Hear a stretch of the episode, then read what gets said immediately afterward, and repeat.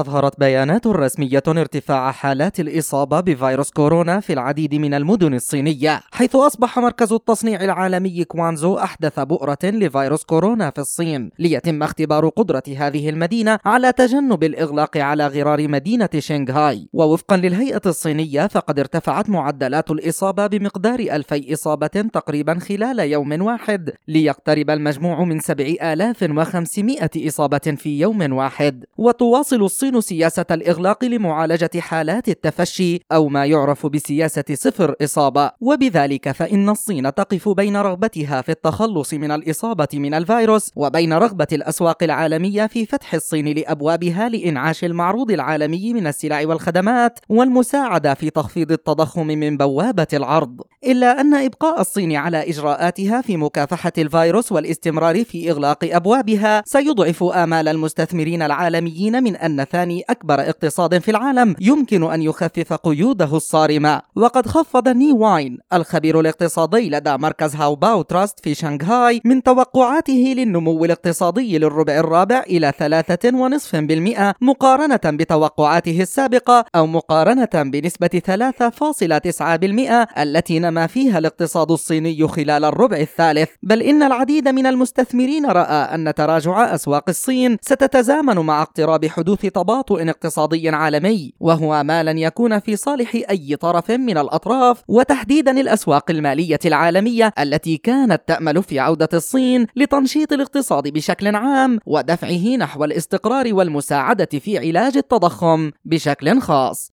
مجد النوري لشبكة أجيال الإذاعية.